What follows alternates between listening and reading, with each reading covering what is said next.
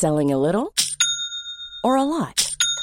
Shopify helps you do your thing however you cha-ching. Shopify is the global commerce platform that helps you sell at every stage of your business. From the launch your online shop stage to the first real life store stage, all the way to the did we just hit a million orders stage. Shopify is there to help you grow. Shopify helps you turn browsers into buyers with the internet's best converting checkout. 36% better on average compared to other leading commerce platforms because businesses that grow grow with Shopify. Get a $1 per month trial period at shopify.com/work. shopify.com/work. Hold up. What was that? Boring. No flavor. That was as bad as those leftovers you ate all week. Kiki Palmer here, and it's time to say hello to something fresh and guilt-free. Hello Fresh. Jazz up dinner with pecan-crusted chicken or garlic butter shrimp scampi. Now that's music to my mouth. Hello Fresh. Let's get this dinner party started. Discover all the delicious possibilities at hellofresh.com. A lot can happen in three years, like a chatbot may be your new best friend. But what won't change? Needing health insurance. United Healthcare Tri Term Medical Plans, underwritten by Golden Rule Insurance Company, offer flexible, budget friendly coverage that lasts nearly three years in some states. Learn more at uh1.com. Ann, vet du vad som nalkas snart? Sommarsol. Och min berömda midsommarfest. Det är din älsklingstradition. Och vad passar då inte bättre än att vi denna vecka sponsras av Rusta? Jag drog iväg till Rusta och gjorde, du vet, den här episka inköpskavalkaden. Alltså de har så mycket bord, stolar. Dynlådor. Och det lampor. roligaste av allt. Ja, Jag vet. lampor, mattor. allt. Skatglittret. Gud vad man älskar det. För jag måste säga så här. Det spelar ingen roll hur fina möbler du har. Om du inte har lullullet, Mm. de fina ljusslingorna, ljusen, lyktorna, blommorna. Kuddarna, Nej, mattorna. precis. de det måste spegla Ja. livet, det underbara livet. Hörni, gör som vi. Gå in på Rusta och botanisera bland alla deras helt fantastiska utemöbler och allt sortiment av det vi väljer att kalla skatklitter för din sommarfest. Tack Rusta för att ni sponsrar inte din morsa. Tack, vi är så glada.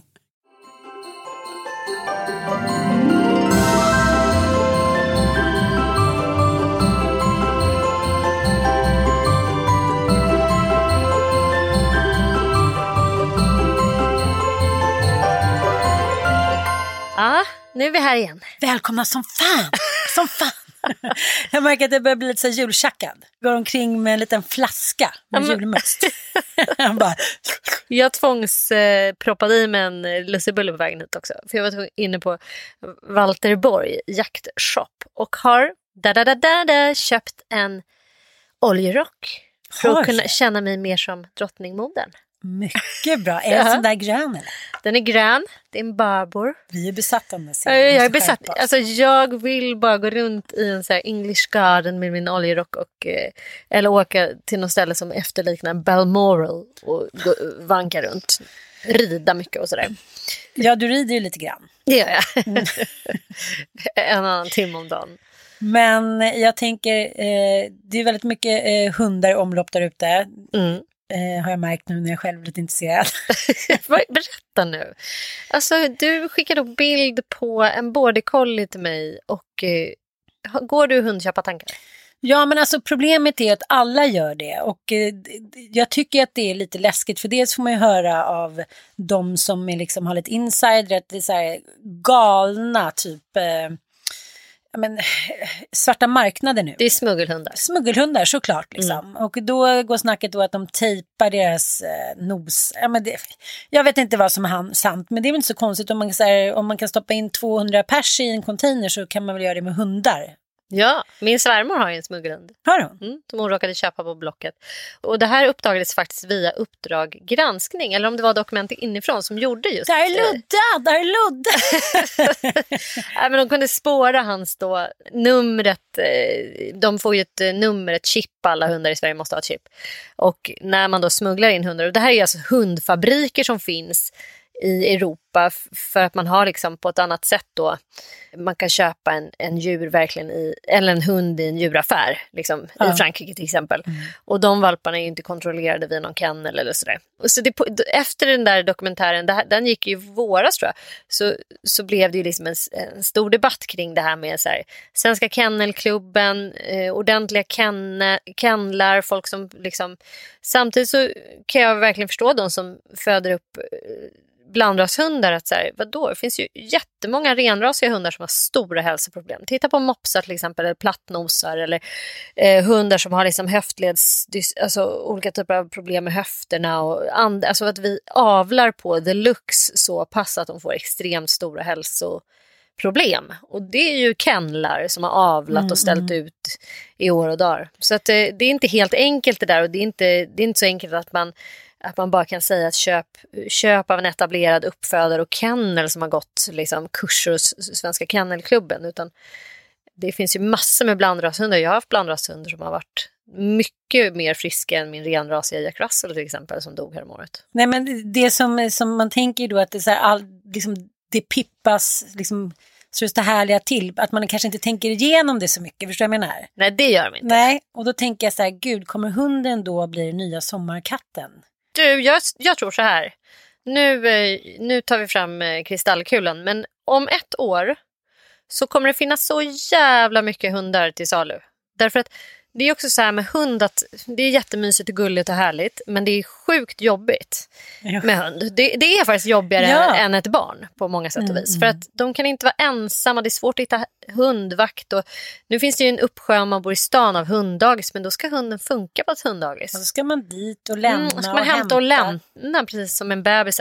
Svindyrt. Det, det är dyrt att ha hund, eller det behöver inte vara om man har en liten hund man äter väl inte så jävla mycket men blir hunden sjuk så blir det svindyrt. Liksom. Och Framförallt så är det ju, eh, har man redan fulltecknad kalender med sina egna barn och deras aktiviteter så ska man försöka klämma in en hund där och se till framförallt, de kan inte vara ensamma. Nej. Katter kan ju vara ensamma en hel dag, det, det kan inte en hund vara.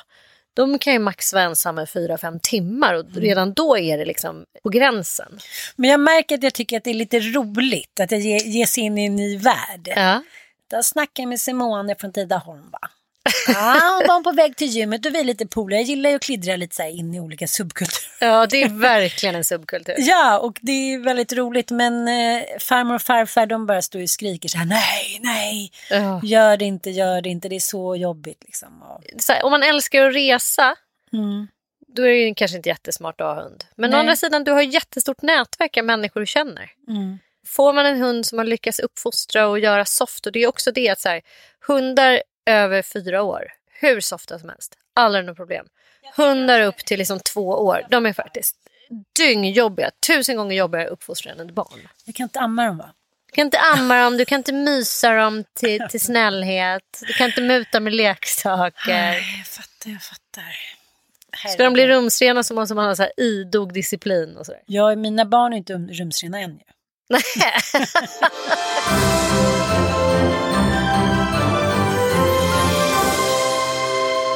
bilen på vägen hit så lyssnade jag på Adolfsson och Falk. Mm. Och så tänkte ge, jag... Att, ge mig. Mer jul, ge mig. Ryan Reynolds här från Mint Mobile. Med the price of just about everything going up during inflation, we thought we'd bring our prices down. So to help us, we brought in a reverse auctioneer, which is apparently a thing. Mint Mobile unlimited premium wireless. Ready to get 30, 30, bit to get 30, bit to get 20, 20, 20, bit to get 20, 20, bit to get 15, 15, 15, 15 just 15 bucks a month. So, Give it a try at mintmobile.com/switch. slash $45 up front for 3 months plus taxes and fees. Promo rate for new customers for limited time. Unlimited more than 40 gigabytes per month slows. Full terms at mintmobile.com. Hiring for your small business? If you're not looking for professionals on LinkedIn, you're looking in the wrong place. That's like looking for your car keys in a fish tank. LinkedIn helps you hire professionals you can't find anywhere else, even those who aren't actively searching for a new job but might be open to the perfect role. In a given month, over 70% of LinkedIn users don't even visit other leading job sites. So start looking in the right place. With LinkedIn, you can hire professionals like a professional. Post your free job on linkedin.com slash achieve today. Quality sleep is essential. That's why the Sleep Number smart bed is designed for your ever-evolving sleep needs. Need a bed that's firmer or softer on either side? helps you sleep at a comfortable temperature? Sleep Number smart beds let you individualize your comfort so you sleep better together. JD Power ranks Sleep Number number 1 in customer satisfaction with mattresses purchased in-store. And now, save 50% on the Sleep Number limited edition smart bed for a limited time. For JD Power 2023 award information, visit jdpower.com/awards. Only at a Sleep Number store or sleepnumber.com. Even when we're on a budget, we still deserve nice things. Quince is a place to scoop up stunning high-end goods for 50 to 80% less than similar brands. They have buttery soft cashmere sweaters starting at $50, luxurious Italian leather bags, and so much more. Plus, Quince only works with factories that use safe, ethical, and responsible manufacturing. Get the high-end goods you'll love without the high price tag with Quince. Go to quince.com slash style for free shipping and 365-day returns. Och jävla mer. Ja, men det, jag tycker det låter lite som Tuffe Räka, din pappa. Alltså det är lite i samma den där Ja. 80-talsgenren, att Ja, det, liksom, det gubbrock. fortsätter bara. Ja, jag gillar det i och för sig. Hur som helst så har jag tyckt att det varit lite uppförsbacke i år. Vadå då? Ja, men med julstämningen. Ja, det tycker jag också. Något Jag säger- fruktansvärt. Och sen det här vädret, herregud, hur mörkt kan det vara liksom? Men sen igår, då tog jag mig ett glas glögg och sen så klädde jag granen. Mm. Och sen så har jag tänkt också, det här är tips till alla män som lyssnar, så vi fortsätter ge de här tipsen för de är så himla enkla. Man behöver nästan inte ens uh, vara vaken när man hör de här tipsen. Men uh, nu är ju lite så här julen och kvinnor uh, blir då någon form av liksom budbärare av mysigskapet. Det är vi ju till vardags också, men kanske ännu mer den här julen eftersom nu kommer vi liksom inte kunna lägga över på någon annan. Vi kommer ju vara ganska, liksom en liten tapper skara, många av oss liksom. Och det blir ännu mer eh, känslan av att så här, ah, nu måste jag göra allt och extra mycket. Men jag har bestämt den här julen att jag har bokat allt på nätet. Ja. mm, farmor gör lite köttbullar, jag tänkte göra en Jansson. Sen har vi beställt lunch, middag, allting kommer bara så här. Levererat. Ja. Så jäkla smart. Och då har också Mattias, som jag har varit lite lätt irriterad på, eftersom Gud inte har förberett mig på att jag ska ha fyra vuxna nidikarar hemma nu, eftersom Dante och Igor de får inte heller gå i skolan. Det här är en prövningens tid, att alla de är hemma och går ut och in i det där köket. Jag köper två nya ostar per dag, för att de ska ju klidra på kvällen och göra så här, nu är Dante besatt av såna här, eh, vad heter det, vita bröd och som man har ost och steker. Ja. För det gjorde jag häromdagen och nu är det enda han har ätit i tre dagar. Alltså han är som en junkie. Och så kommer han upp på morgonen, då är det så här massa disk, en helt ny ost, ligger och svettas lite och försöker be om nåd, men det är ju liksom redan är som gäller. en... Men så märkte jag idag när Mattias ja, men jag har beställt julmiddag och jag beställde det och jag hämtade det och hit och dit. Då är det som att, då försvinner min irritation. Mm. Och det är det enda jag kräver. Jag kräver liksom inte några stordåd eller så massage eller underkläder eller liksom överraskningar med massa flores. Jag vill bara att liksom man gör ett par saker var per dag. Mm. Då liksom hålls irritationen i, liksom på något sätt i schack. Jag tänker att det, det är någonting med julstämning. För jag tycker jag också jag har inte haft någon julkänsla i kroppen. Jag tänkte så här, är det musiken? Har vi för lite julmusik? Jag måste brassa på en konsert här. Och har inte varit i kyrkan, är det det? Eller vad är det som liksom avsaknar av Som jag brukar julstämning? vara flera gånger i veckan. Kyrkos, kyrkogången. Nej, men jag eh, kom fram till i alla fall att eh, julmys, julstämningen, den står man faktiskt inte för själv. Utan det, det är liksom någon annan som måste eh, skapa den här mag- alltså, Jag kan fixa julstämning för någon annan. Och det gör jag för mina barn. Men för mig så behöver någon annan fixa julstämning. Förstår du vad jag menar? Jag Och det, den infinner sig hos mig då när jag går på glöggkalas hos någon kompis. Ja. Eller när jag kommer in i liksom någon arbetssituation och det är någon julbord. Eller om Micke då till exempel har satt upp någon julstjärna eller dylikt. Så att man kommer hem och så bara, gud du har satt upp den här. Typ. Så gör, om ingen annan gör det för en, alltså för det, det är svårt att skapa julstämning för sig själv. Förstår du vad jag menar? Ja, jag fattar, jag fattar. Men i vanliga fall så pågår ju liksom, det trappas ju upp faktiskt under hela december. Man går på Mm. julbord, det är en liten drink. En... Jag har inte varit på en enda sån grej. Inte en enda glögggrej. Inte en enda jävla, alltså det tycker jag är den stora sorgen. Att inte få se sin unge. Jag menar nu Frassa har ju haft ett och annat luciatåg. Men Foxen skulle ha sitt första luciatåg. Mm. Det får man inte gå på. Nej. Och så ingen julavslutning Nej. för barnen. De bara så glider in och ut ur skolan utan att man har... Jag har fan inte varit på deras skola på... Nej, inte heller. Alltså sen i mars. Nej, inte heller. Så obehagligt. Och Ja. nu var jag där idag för jag skulle lämna en bok. Hela skolan är som en så kontaminerad Mm. eh, låda som man är så här, du får inte gå in här, du får inte gå in. Mm. Hej, vad gör du här? Så man kommer i trapphuset och bara misstänksam misstänksamma som att man är någon så bombman. Det är så jävla Jag obehagligt. vet. Alltså. Och nu är det så otroligt många barn, jag fick ju höra lite skvaller här Mhm. nere på eh, byn då att eh, Estelle är sjuk i covid. Nej, Mm. är det sant?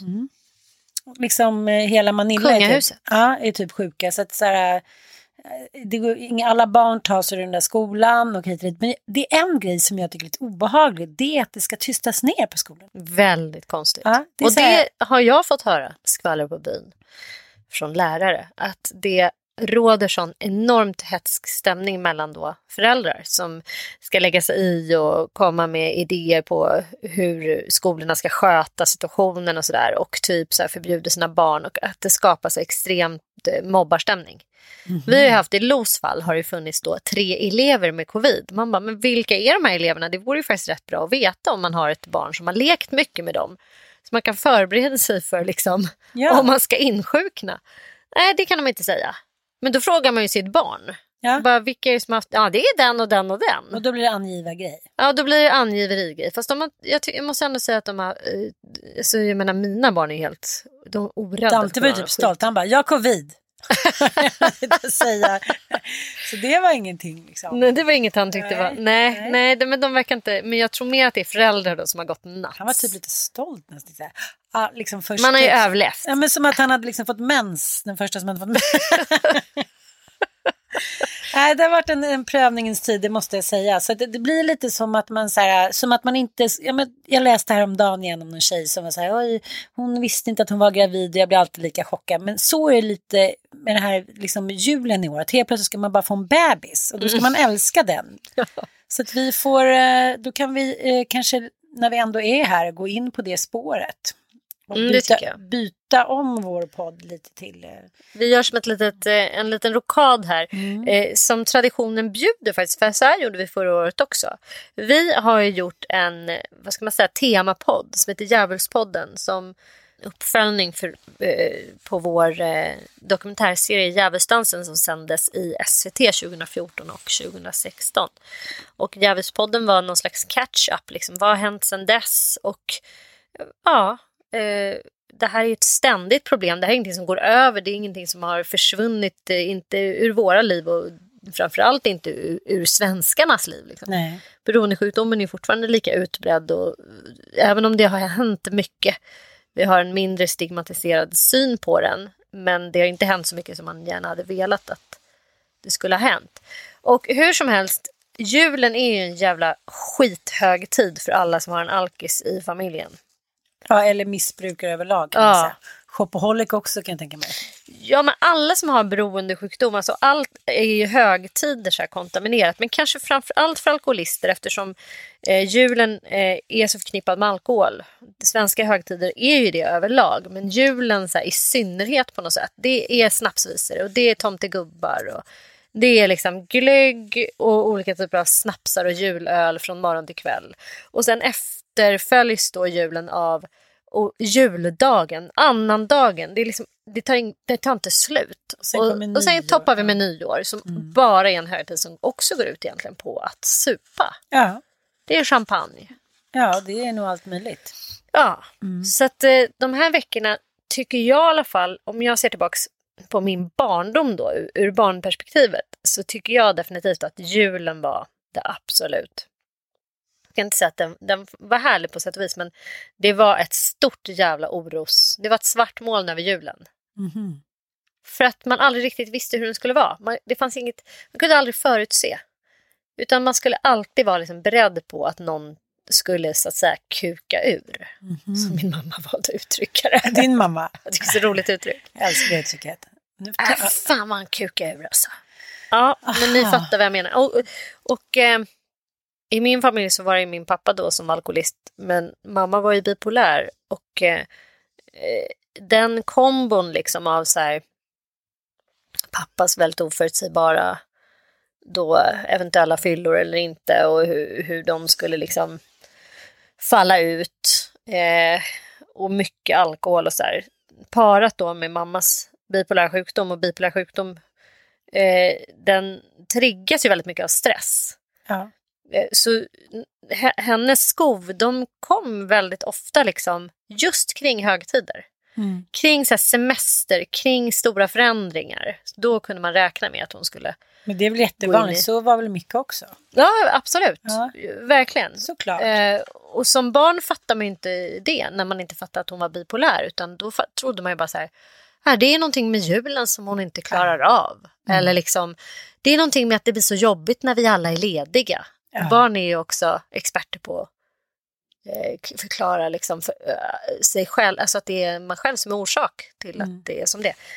Så ja, jag tyckte julen var svinjobbig och sen, sen har jag i vuxen ålder så hade jag nog bara en anti-inställning till julen. Att jag skulle skita i alltihopa och bara så här, typ gå på kvarnen med mina polare och så här. Anti-jular verkligen. Mhm. Du Eh. har varit lite punkig, Bettan. Har varit. Från 14 till 19 när jag fick ett eget barn. Ja. Eller när Olga kom, då var jag 21. Men sen när jag var ihop med Ville, då var det så jävla uppstyrt och där fanns det inga beroenden. Det fanns inte den typen av Det allmän galenskap. Ja, bara allmän galenskap, men så här rolig Fanny Alexander-galenskap Ja. bara. Mer att så här, ja, men folk kunde bli osams och det kunde vara högt i tak och folk var lite packade, men det var liksom aldrig någon som spårade ur eller att det så här efterföljdes av så här stora, enorma vad ska man säga, konsekvenser. Nej, fattar, Utan det. Mm. var, det var galenskap fast på ett roligt sätt. Och sen blev jag ihop med Micke. Mm. och då var mörkret tillbaka. Det var frukt, alltså våra jular, de var så kontaminerade av liksom för då hade jag bestämt mig på något sätt för att säga nej men nu har jag bra jular, nu, nu är livet bra och det är kul att fira jul. Och det har, jag har haft jättebra jular här med Ville i fem år och nu tänker jag fortsätta ha det.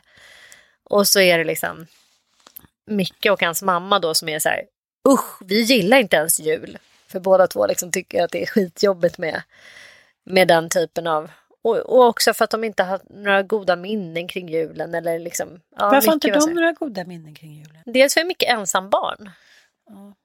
Så det är väl också en sån där grej att så här, och sen Ingalill var ju ung och jag menar, de har ju också de har ju diagnoser båda två. Det är, så här, det är jobbigt med jul. Det är Det jobbigt med högtider. Det var inte stabilt där heller. Så de var väl inte liksom- stabila och bara så här, den här känslan av så här, vi loggar ut, du får sköta det här ungefär. Men därifrån till att vi liksom allihopa har återerövrat den här julen och nu sedan i alla fall fem år tillbaka så har vi helt fantastiska jul. Men får du ångest inför det eller känner du så här, du känner dig inte orolig? Det är inte så Nej, att det, det har gått över. Och det trodde jag aldrig. Jag tänkte så här, det här kommer sitta som ett posttraumatiskt stresssår i min själ for life. Det gör det inte längre. Och det jag kom på när jag liksom löste den här knuten med ångesten och så här. Det är dels den här kognitiva grejen att så här, ett, jag är vuxen. Jag kan själv bestämma hur min jul ska se ut. Jag kommer styra det och människor som är sjuka kring mig ska inte få bestämma hur jag ska uppleva julen. Och jag är inte sjuk och därför är jag också ansvarig över att jag ger mina barn bra jular. Och där började jag gränsa då mina missbrukare kring mig. Eller dysfunktionella människor som på ett eller annat sätt skulle röra till i jularna. Vilket då innebar att till exempel säga att hemma hos mig kommer det inte serveras någon alkohol. Och kommer du hit och du är berusad, då kommer inte jag släppa in dig. Mm, Bra regel. Mm. Speciellt när man har många då som är aktiva kanske kring sig. Så det har varit en grej. Och det var liksom så här, det kom ju inte som glada överraskningar för då de här urspårade människorna jag hade kring mig. Som också hade det ganska skönt för du fixade allting. Ja, så kunde de visst. supa loss och gå liksom någon form av ungdom och sen Mm. så sopade du upp allting. Mm. Sen var det juldagen, kunde man fortsätta. Mm. För då tyckte man att det var skitjobbigt. Eh, och att man var tråkig och elak och hård och kall och sådär. Men då, då är det också så här, återigen, försök kognitivt bara så här, tänka att det här är människor som är sjuka, som beter sig så här. Och eh, det jag gör är varken elakt, hårt, kallt, kärlekslöst. Tvärtom så är det väldigt kärleksfullt att gränsa människor och se till sina barns bästa. Vi har ju pratat lite om det där i vår eh, anhöriggrupp. Att det tar så jävla mycket energi. Att det är så här typ flera månader innan också. Gå och tänka på hur kommer det bli på julafton? Ska jag gränsa? Kommer hen vara full? Kommer den Tänk, vad ska jag säga då? Ja. Om han råkar vara full där, kommer jag då säga det eller skapar jag dålig stämning? När ska jag säga? Ja. Om jag märker att hon har druckit i dörren och så har jag bestämt mig för att inte släppa in någon som är packad, men hon är bara lite packad. Tänk om jag förnekar att hon har druckit då? då? Vad ska man göra då? Mm. Vad ska man göra då? Mm, Det är skittufft. Men Vad skulle du gjort? Min mormor eh, Karin Kajsa Fagerberg, hon liksom styrde ju eh, det Fagerbergska eh, slottsliknande lägenhetshemmet med järnhand. Och jag kommer ihåg när mamma berättade att eh, precis när mamma och eh, pappa hade träffats så firade pappa jul med dem. Och då försökte väl liksom morfar passa på lite och ja, ta några snapsar och bli en liten lite friare make till, till, eh, till Kajsa. Så att de satt väl och liksom, eh, ja men de drack väl både en, två, tre och kanske tio snapsar och du vet mormor blev så jävla arg. Nej. Så att hon gick och la sig ute på soffan och då menar jag inte en sån här mysig plyschsoffa som finns nu för tiden utan det var en sån här stoppad Ja, schäslongliknande som man satt sig så att man satt på liksom en elefant och typ försökte balansera. Eh, en, en sån soffa var det och var liksom tyst i typ två dagar tills han, han fick krypa i stoftet. Liksom. Så att det var det och sen så eh, pappa höll sig alltid i skinnet liksom så länge, ja det är också så jävla sorgligt, så länge han respekterade någon. Mm. Men sen så blev ju mamma sjuk och, och pappa hamnade i en 50-årskris och hit och dit. Eh, och då började det ju skena. Så egentligen har jag bara liksom eh, ja, haft ett par så riktigt hemska jular och sen då med mitt ex också när, ja. Vad var det som var hemskt där? Det var att han inte ens gillade att fira jul va? Nej, men dels var det det, men sen så var det ju också eh, ja, att det också några gånger slutade liksom i, eh, i kaos. Mm. Just på grund av här, stressen, den psykiska ohälsan, eh, lite självmedicinering hit och dit. Så det var ju några faktiskt otroligt eh, jobbiga grejer som hände. Eh, och vi hade ju alltid planerade grejer på jullovet så vi skulle alltid åka till Thailand eller liknande. Så det var också så här, att sitta på semester och typ hata någon, alltid en härlig, ja men du vet ju den Ja, känslan. gud, ja. Nej men det är min Nej, men jag vet känsla. inte, så där har varit, varit med Micke också flera gånger. Att man, här, man vill göra slut så här, två dagar efter julafton. Bara, men älskling, vi kan ju inte göra slut, vi ska åka till Thailand imorgon. Jag bara, men jag skiter i det. Jag, det här är liksom, det här är, vi kan, så här kan det inte ha fått gå till. Du kan inte Mm. ha fått förstöra liksom, julafton på det här viset. Och förstöra, så jag, jag ska inte säga att Micke har aldrig liksom, så här, klampat in och varit galen och elak, utan hans dryckesvanor, han hade ändå den goda smaken att försvinna, alltså att dra hemifrån, inte sitta med barnen och vara packad. Det har aldrig varit hans grej. Utan hans grej har varit att säga, ah, jag ska bara gå ut och ta en bärs och sen komma hem tre dagar senare. Precis som din pappa. Fast han kunde ändå vara packad hemma. Jaha, vad bra. så han hade mer kombo. Men den grejen, att så här, försvinna och vara borta i tre dygn. Så att man, så här, och man får inte få tag på människan, man har ingen aning om vart man är. Man är bara så här, superorolig och liksom bara så här, logga ur från hela julbestyret. typ. Men du vet också den där känslan när man till slut, eh, den personen då, problempersonen, den man älskar, hör av sig eller man får tag i den. Och så hör man på riktigt att de inte tycker att det är något konstigt för de har ju tappat greppet om tid och rum. Och... Det är som tid och Tjena, rum. vi sitter hemma hos ex liksom, lite mysigt. Jag bara, hon är halv sju på morgonen, jag och barnen är här hemma. Jaha, men ja, vad fan, det är ingen fara, vi, jag, jag sover här. Liksom som att han vore typ min 18-åriga son som hade hamnat på en fest och bara skulle ringa och säga så mamma jag kommer inte hem. Okej älskling, var försiktig, bla bla bla.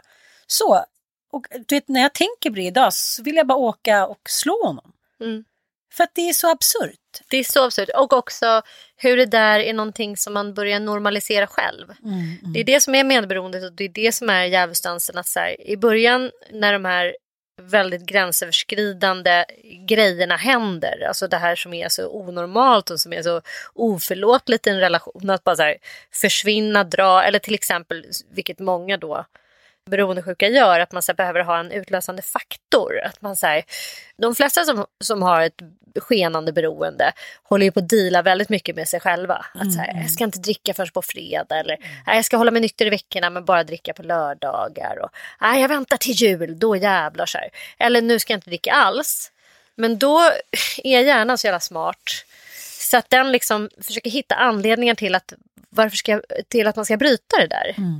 Det är det som är beroendesjukdomen, att hjärnan blir liksom kidnappad. Och, och det tycker jag är en sån jävla obehaglig del i beteendet hos den som är beroende. Att de helt plötsligt börjar här, skapa konflikter för att få anledningar att dricka. Eller skapar lägen i livet att säga Fan jag tappar bort bilnycklarna här, jävla skit också, man måste ha en bärs. Typ, Eller liksom, förstår du den Okej, grejen att ja. man, så här, ut, man måste få Eller utagera. fira allt som vissa också jobbar med. Nu klippte jag gräset. Ja. Då var världen bärsa. Ja, verkligen. Allt är liksom. Man ska alltid bjuda hem på fin middag eller man ska gå förbi Hötorgshällen och köpa oxfilé för då måste man ha en riktigt bra rödvinare till det. Liksom. Allting handlar om att hitta anledningar till att kunna dricka oavsett om det är goda anledningar eller dåliga anledningar.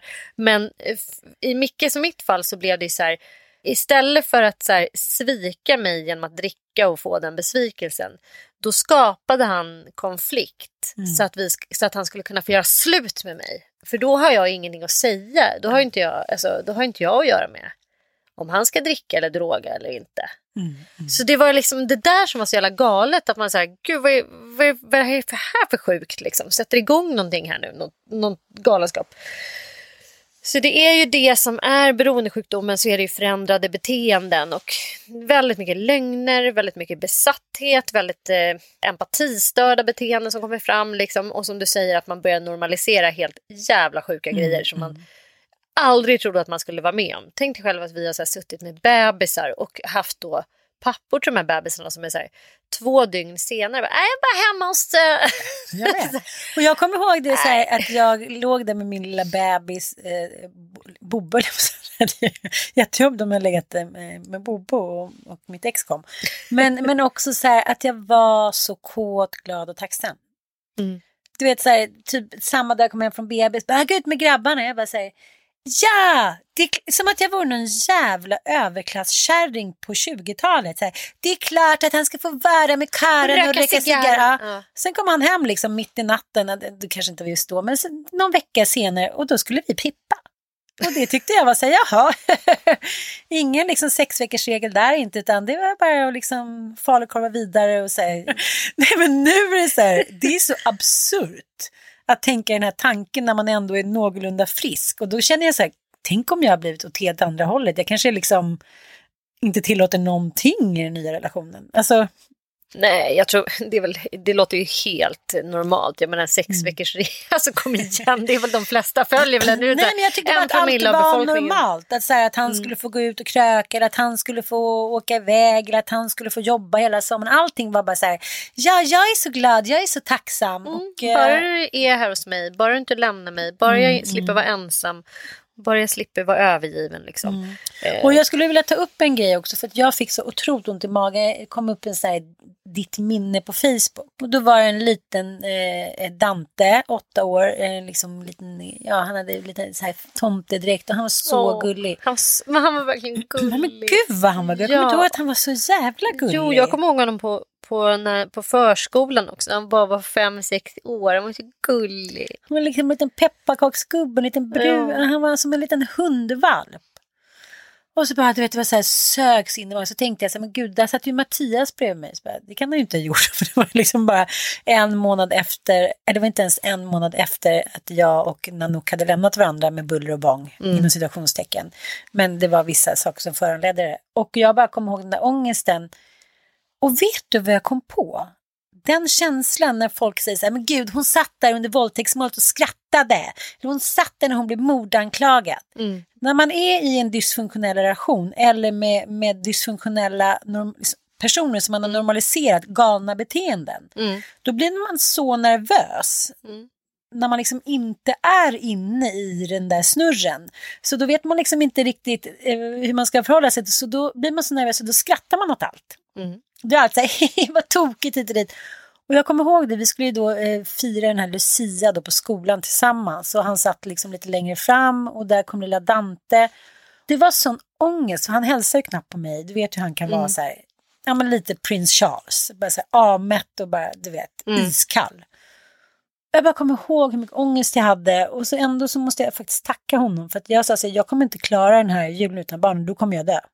Då sa han så det är okej för mig, du kan ta dem. Ja, han gillar inte julen. Och sen var det så flera jular till. Men sen var det så att jag, första gången jag skulle fira jul själv, då hade jag ju eh, Bobo som var fyra månader. Mm. Så även om jag grät i tysthet i baksätet hela vägen upp till Sälen till Mattias föräldrar så hade jag ändå liksom gjort min, eh, vad ska jag säga, det, elddopet var klart när jag kom upp. Då hade jag gråtit ur med det och pratat med killarna, de skulle få några små kattungar hit och dit. Då, då kunde jag ändå njuta av julen. Mm. Så tänkte jag på det som My Fält skrev på sin Insta häromdagen. Hon sa det, det är kanske många som firar sin första jul själva och det gjorde jag också för två år sedan. Och, eh, det går, jag åkte upp till Stockholm så berättade hon, det var så himla tröstansfullt. Mm, verkligen. Eh, att man tror när man är mitt uppe i, eller som du säger, mitt uppe i medberoende och kanske första gången ska sätta en gräns att den man älskar eller ja, någon nära och kära inte får komma in. Mm. Man tror att man inte ska klara av det, men man gör ju det. Ja, Och, jag, och du vet ju hur fantastiskt det är när man är en människa som inte har satt gränser på så länge, kanske aldrig. Och så gör man det för första gången. Och det säger ju prinsessan Diana också i den här... Hon berättar då i den här dokumentären att hon... eh, Hon berättar att Camilla Parker Bowles syster skulle ha ett födelsedagskalas. Mm. Och Diana brukade aldrig följa med. Och nu sa han så här, jag ska med. Och Charles satt liksom i bilen på hela vägen dit och bara så här, varför ska du med för? Varför ska du med för? Bara, jävla arsle, förlåt. Kom han dit och sen så eh, sa hon till Camilla, så jag skulle verkligen vilja prata med dig. Eh, har du tid en stund? Hon höll ju på liksom, ja men du vet, skita på sig bokstavligen, kuka ur. Så hon sa, vet du, jag har liksom vetat i alla år vad som pågår med min man, att ni ligger med varandra hit och dit. Och vet du så här, back fucking off. Hon sa det, att vakna upp morgonen dagen efter, även fast jag kände att typ alla hatade mig på den där festen, så var det som att jag andades ny luft. Mm. Och det blev också så här, det är som Madonna sagt någon gång, att det är framgång när du så här, en snubbe dumpar dig och det inte är hela världen. Mm. Du känner ändå att du älskar dig själv. Mm. Så att jag tänker så att ibland är det så otroligt avgörande, jag tycker jag blir så tydligt hur snabbt det går att ändå förändra en situation som känns som att den är helt omöjlig att förändra. Ja, och att det faktiskt för många är så här, "Ja, man- den enda man kan förändra är sig själv, man kan inte förändra andra. Men det är en sanning med modifikation tycker jag. Verkligen, För att grejen är att när, ja, för när man förändrar sig själv och inställningen till sig själv, då kommer andra människor att förändra sig kring en. Precis. Så det är liksom det som är, det är en sanning med modifikation. Men det, det är hos en själv där man ska börja. Eh, och framförallt då begränsa andra människor och bestämma att så här, så här, hemma hos mig får det inte vara så här. Vi har ju skrivit i vår bok, Djävulsdansen blir fri från medberoende. Det var ju en självhjälpsbok som vi, vi har pratat lite grann om den här i podden. Eh, den finns ju inte att köpa längre, den är ju slutsåld. Men vi har ju Många glada böcker. Många glada ex. Vi har lyckats köpa loss eh, massa restexemplar som har funnits kvar. Så att vill man köpa en bok så kan ni skicka ett DM till mig eller Ann på Instagram. 200 kronor kostar den, ink frakt. Men vi har en, en bra grej där tycker jag, house rules, alltså husregler. Att eh, det, är, det är ett sätt att eh, gå in i tillfrisknande, att fundera över så här, vad... Och, och jag tänker att så här, då kan man väl ha julregler. Ja, ja. House rules är liksom så här, i mitt hem så vill inte jag ha det här. Jag vill inte ha, jag vill inte ha relationer där man ljuger för varandra. Jag vill inte ha alkohol i mitt hem just nu. Jag vill inte ha människor som är påverkade av någonting kemiskt. Och jag vill inte ha bråk till exempel. Skulle kunna vara en sån enkel grej. Det behöver inte vara så många Det behöver inte vara så många. Det kan bara vara så här, det här är absolut big no-nos för mig. Eh, men när det gäller julen då? Vad har du för jul? Har du några julregler? Jag är tillsammans med en man som jag har sett onykter en gång typ. Nej, två gånger på hans 40-årsfest också för att det fanns ingen mat kvar till honom när han skulle äta. Jag bara, det kommer räcka Johanna, det kommer räcka, du behöver inte göra mer chili. Stod han där så här, 12 på natten, han hade inte ätit på hela dagen, han var så, du vet hur stressad han är för det var överraskningsfest. Oh my god. Och så såg han skulle ta den där lilla chilin så bara fanns det typ, ja men tänk er själva så här, en knappnåls chilibit kvar. Så att, nej, det, det, urartade, så vann han en golftävling en gång. Men sen har jag liksom, han är otroligt liksom måttlig med alkohol. Precis som sin far och sin mor. Det, här, det, det finns ingen oro inför julen för mig. Nej. Och nu då eftersom min far är så gammal och eh, krasslig så eh, finns det ingen oro för honom heller. Han pallar liksom inte kröka längre, han röker inte och hit och dit.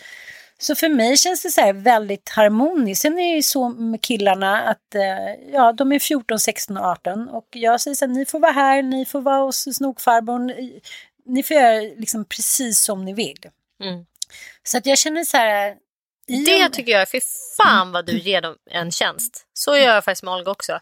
Det tycker jag var en stor jävla så här, inre konflikt för mig också. Det, alltså, när jag var yngre så handlade det om rädslan för vem som skulle vara packad och vilka katastrofer som skulle inträffa. Ja. Och vilka som skulle bli osams. Mm. Alltså från att jag var liksom tidiga minnen fram till jag var 10-11 kanske. Älskar Men sen så separerade mina dig, föräldrar. Jag vill vagga dig. Vi ska få det. Men när jag var mellan få 11 påminna? och 18 Ja. då var det mer det dåliga samvetet.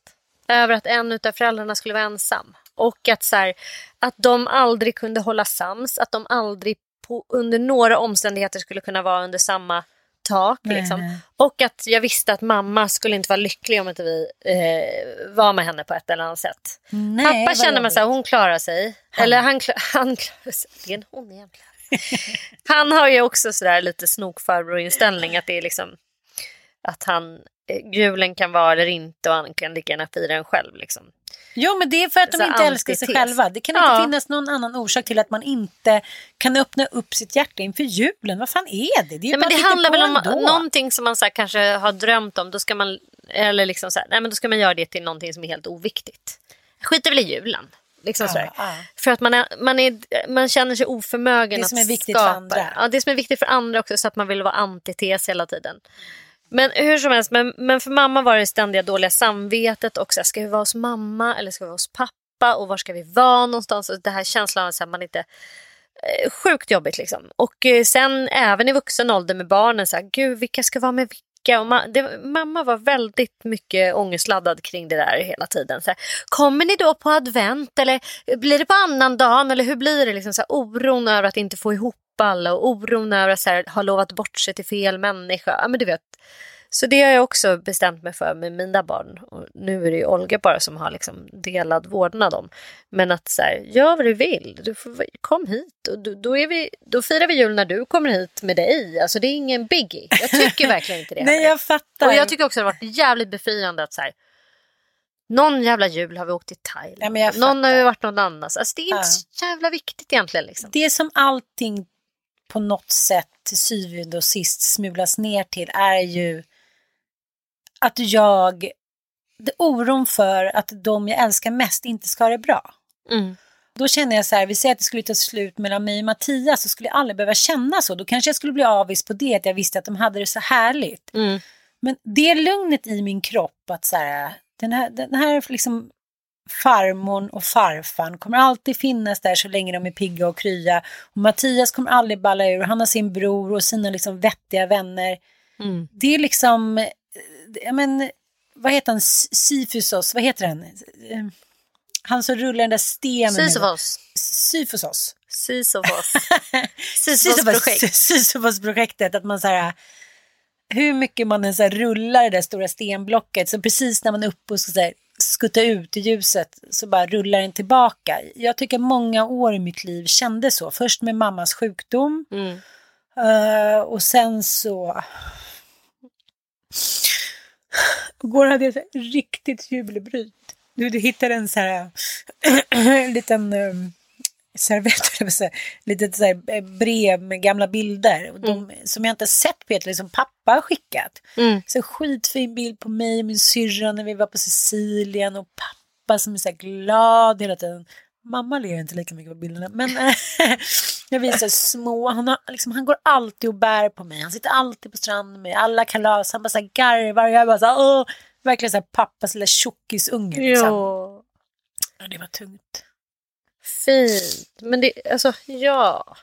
Men det är ju någonting så här, du, det känns som att för dig så känns det mer som att så här, du har haft liksom julhärlig skap. Stabil som du säger, det är så matriarker, det har varit uppstyrt och det har liksom aldrig funnits någon oro. Och sen så händer det otänkbara att din mamma dör. Och så dras, och då bara förändras hela, det, det är som ett paradigmskifte i ditt liv. Så liksom försvinner och du, lite grann så är det med, för mig också att så här, mamma och pappa de är, de, det är två instabila personer. Liksom. Mm, Men sen har jag haft min moster som har funnits där. Och min mormor, där har alltid har varit stabilitet. Och även min farmor och farfar som liksom hade, hostade jularna fram tills att jag var sex. Liksom. Och de var stabila? Liksom. Det var skitstabila människor kring. Eh, Kommer som, all bipolaritet ifrån? nej men det kommer liksom, det var bipolariteten från mammas, eh, det var ju verkligen min eh, morfars mamma. Hon dog ju på Frösö lasarett av elchocker så hon hade ju bipolär Ja, sjukdom och det hade väl troligtvis min morfar också. Men det var ju min, min mormor var en kärnfrisk liksom Mm. superstabil person som liksom var mamma till sex barn och liksom fixade biffen och var super matriark verkligen. Och min moster var ju likadan, jättestabil människa som eh, inte hade egna barn och därför var som en extra mamma. Men för dig, jag tänker liksom att just att så här, mattan rycks undan fötterna för en. När de här stabila personerna bara försvinner ur ens liv. Mm. De som faktiskt har sett till att skapa trygghet, värme, den här julkänslan, allt det här som är härligt liksom. Och sen bara försvinner det. Det som var så unikt med min mamma var att hon kunde verkligen, liksom, hon var uppfostrad i en otroligt traditionell anda, liksom i det här Fagerbergska hemmet. Eh, som var väldigt fint på ytan, men liksom man leder kanske lite över sina tillgångar hit och dit. Men det var liksom, allt var vackert, allt var gott, eh, alla människor var vackra, kläder var vackra. Alltså, alla traditioner var liksom som i en jävla film. Mm. Men samtidigt så var hon ju liksom på något sätt superbohemisk. Och det tror jag var efter liksom eh, morfar Erik att så här, äh, det, liksom, det var ju mer mormor som var lite pretentiös liksom. Vet inte varför sådär, men, men eh, så att hon var också så otroligt, du vet så här människor, så är du också tycker jag. Eh, Du och Kristina Bris, ni är lite så här, man är runt omkring er, sen kan ni liksom men bli lite hetska hit och dit, det kan jag med, men du vet man, så här, man jackar in i varandra och sen så pågår det bara liksom. Mm. Man finns där för varandra, det är oftast liksom, och det är jag så stolt över. Men gud, nu ska det vara den mest rörande podden i mitt liv. Nej, men jag får ju så, här, så många DM där, där, liksom, där människor skriver att du och jag har en sån fin ton till varandra. Att vi är så här, fin och vänskaplig och så här, det känns som att vi stöttar varandra. Och det är liksom, sådana människor måste man ha i sin närhet. Sen kan man ha de där liksom terrierna och de som liksom finns där i parti och minut och bjäfsar. Men, men man måste liksom hitta en balans och när den inte finns, och det, det kan man väl återkomma till till julen också liksom. Och jag tänker på den här julen nu när vi ska liksom leva och fira ganska isolerade, hur, hur man nu liksom... Men det ska jag säga också har varit en Ja. stor räddning till att vända julskutan till det goda. Det är fan med vänner. Alltså, julen är ju en familjehögtid och det har vi fått inpräntat i oss i hundratals år. Men nej, det är liksom vännernas högtid. Det är där man ska Mm, ha de här människorna som man, som man har liksom lyckats vara vän med länge och väl och som man mår bra av. Det är Mm. de man ska liksom fira jul med. Och det är också tycker jag så här, en liten passus här. Vi är så indoktrinerade, här, jag kan tänka mig kanske bara för att vi är ett, liksom ett gammalt land med mycket traditioner, men i USA tycker inte jag alls att det är samma liksom, känsla av att så här, då måste jag vara med mamma och pappa och farmor och mormor. Nej, var med människor som får att må bra, som Ja. Mm. är snälla mot dig, som är schyssta.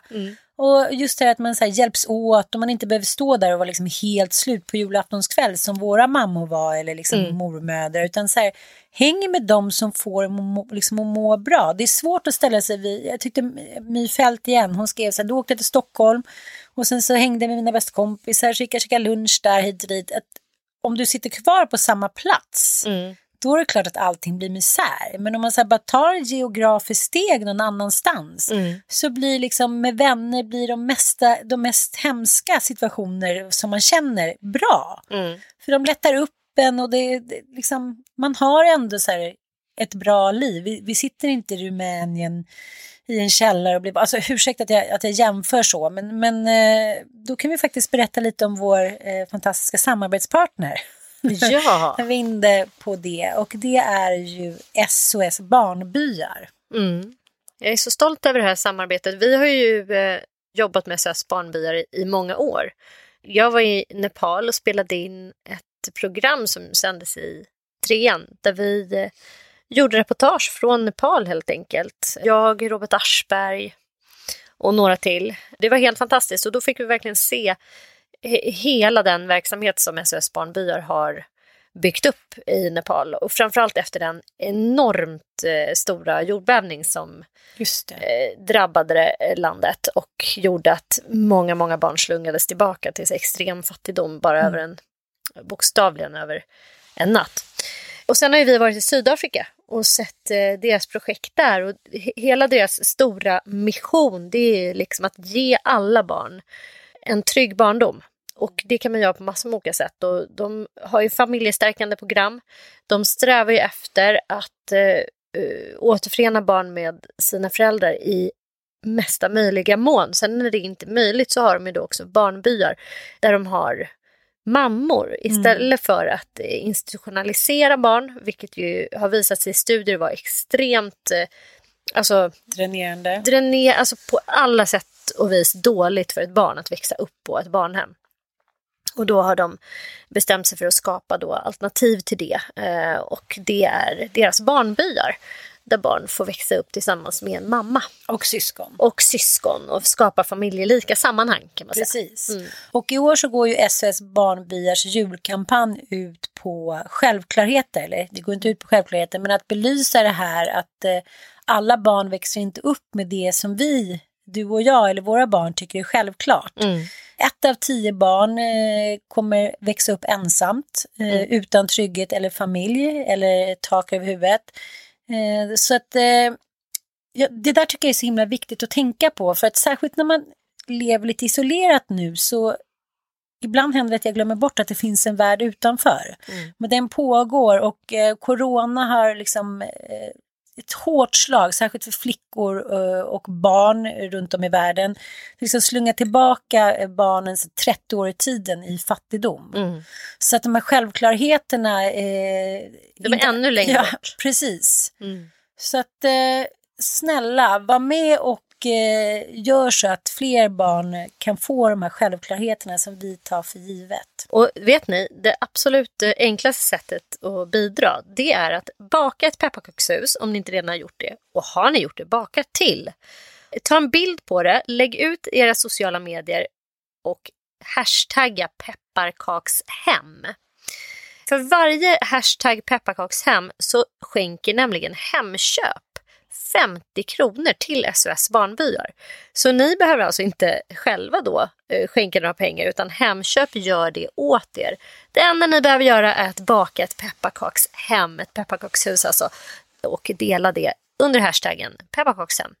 Så snälla ni, swisha till SOS Barnbyar eller gå in på deras hemsida ssbarnbyar.se. Där finns det massa fina gåvobrev som är perfekt att ge julklapp till nära och kära. Ja, där hittar ni massa information också om alla bra grejer som SOS Barnbyar gör. Tillsammans måste vi se till att våra barn får växa upp i trygghet.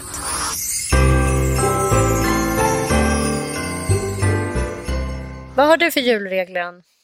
Du märker hur kissnödig jag är. Du kom bara till, till att eh, Mattias aldrig har eh, varit packad.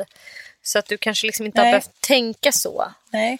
Men, men det kan väl vara en regel, för jag tycker ändå att det var så fint att du har låtit dina barn få känna att det är helt fine med att de bestämmer om hur eh, de ska få fira jul själva. Att det inte är något krav, att du inte ger dem känslan av att liksom, du sitter hemma och är en deppergök om de inte firar med dig. Liksom. Nej, de är inte så otroliga stora julfantaster heller i rakt nedstigande led från sin far. Men eh, det märks ändå att det har tänts ett litet ljus i dem, både med att vi ska åka till fjällen nu och eh, fira jul. Jag tror att alla är lite uttråkade. Man välkomnar allting som är, som är lite annorlunda. Min andra julregel är, som jag då inte behöver ha i år, men det är just det där om du ska, liksom, om du ska bli onykter så kommer du inte in i det här hemmet. Och min syster var ju så bra eh, på det där. Hon sa, men pappa du får gärna komma hit, men om du dricker så får du gå härifrån. Oj, oj, oj vad han, Vad han var, ja. gud, han behandlades omyndigförklarades och hit och dit. Men vad trevligt det var och vara på de, liksom, när vi haft födelsedagar och liknande, när man vet att han kommer inte börja sluddra, han kommer inte balla ur, ingenting kommer kuka ur. Mm. Det är en sån otroligt skön känsla tycker jag. Och därför, där, där kan man säga så här, note to self. Ja, de flesta kommer reagera och bara så här, åh gud vilken kränkning, ska någon bestämma över en vuxen människa om man får dricka eller inte? Så här. Nej, vi bestämmer inte över dig. Jag bestämmer över mig, över mitt hem. I mitt hem vill inte jag ha alkohol. Punkt slut.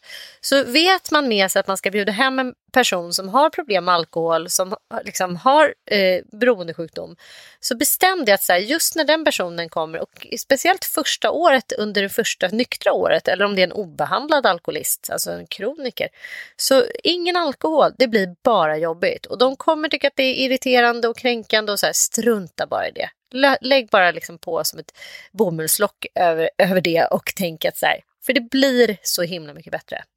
Ett tredje tips som jag faktiskt krankar minnet av en jul faktiskt när du eh, satt kvar själv inne på Skånegatan när din eh, kära man och hans mamma hade liksom ja, Kukat ur. hade kukat ur och eh, jag kommer ihåg, du var så himla ledsen men, men vi pratade om det att man måste ha en backup-plan. En plan B. Precis, för att säga särskilt vi som har levt under lite svåra förhållanden ibland, vi är lite som lackmuspapper. Vi kan ta oss ur en svår känsla. Många som aldrig kanske har varit med om något mot det, liksom, ja men det var ju chockartat för mig när jag träffade Mattias, han hade aldrig varit med om någon så här, ingen svärta, för honom var det så här, han tyckte att den minsta grejen i världshistorien var så här chockartad depressionsaktigt. Jag var så här, jaha, den hade jag liksom inte ens noterat. Men dels kan man ju liksom, eh, nu är det svårt att joina upp där så man inte får vara så många, men, men prata med något, om det inte går bra så kan jag, kan jag komma över, ha en plan B. Till, Jävligt verkligen. viktigt i år Kan jag också. komma över? Bland annat Ja. en jul så firade jag och barnen hemma hos min, min bästis Jossan och Ja. hennes familj. Och det var så otroligt härligt för då var det också så här, alla var i ovisshet, skulle, liksom, skulle de vara nyktra, skulle det gå, skulle han försvinna, vad skulle vi göra? Så jag var så här, nej, nu ska vi fira hos Jossan. Och nu blir det bara så. För nu, jag tänker inte hålla på och så här, ha någonting on hold för att se om det kommer funka eller inte. Utan nej, jag vill liksom bara så här. Och det var min plan B och det var helt underbart.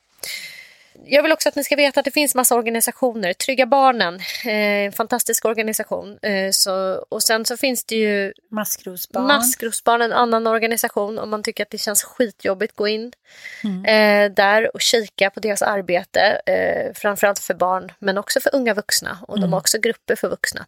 Sen finns ju Alanon, ACA, det finns alltså tolvstegsmöten som är uppväck som är eh, öppna på självaste julafton och som sänds digitalt nu för tiden. Hörni, ha en riktigt god jul och eh, fina mellandagar. Och ta hand om er och tänk på att ni behöver inte vara med någon som inte är snäll. Så är det.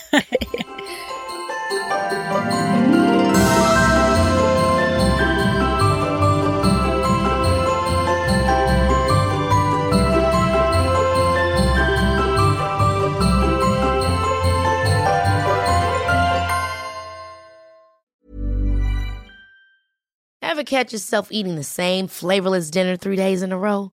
Dreaming of something better? Well, HelloFresh is your guilt-free dream come true, baby. It's me, Kiki Palmer. Let's wake up those taste buds with hot, juicy pecan-crusted chicken or garlic butter shrimp scampi. Mm. Hello Fresh. Stop dreaming of all the delicious possibilities and dig in at HelloFresh.com. Let's get this dinner party started. Imagine the softest sheets you've ever felt. Now imagine them getting even softer over time. That's what you'll feel with Bowl and Branch's organic cotton sheets. In a recent customer survey, 96% replied that Bowl and Branch sheets get softer with every wash. Start getting your best night's sleep in these sheets that get softer and softer for years to come. Try their sheets with a 30-night guarantee. Plus, get 15% off your first order at bowlandbranch.com. Code BUTTERY. Exclusions apply. See site for details. Hi, I'm Daniel, founder of Pretty Litter. Cats and cat owners deserve better than any old fashioned litter. That's why I teamed up with scientists and veterinarians to create Pretty Litter. Its innovative crystal formula has superior odor control and weighs up to 80% less than clay litter. Pretty Litter even monitors health by changing colors to help detect early signs of potential illness. It's the world's smartest kitty litter. Go to prettylitter.com and use code ACAST for 20% off your first order and a free cat toy. Terms and conditions apply. See site for details.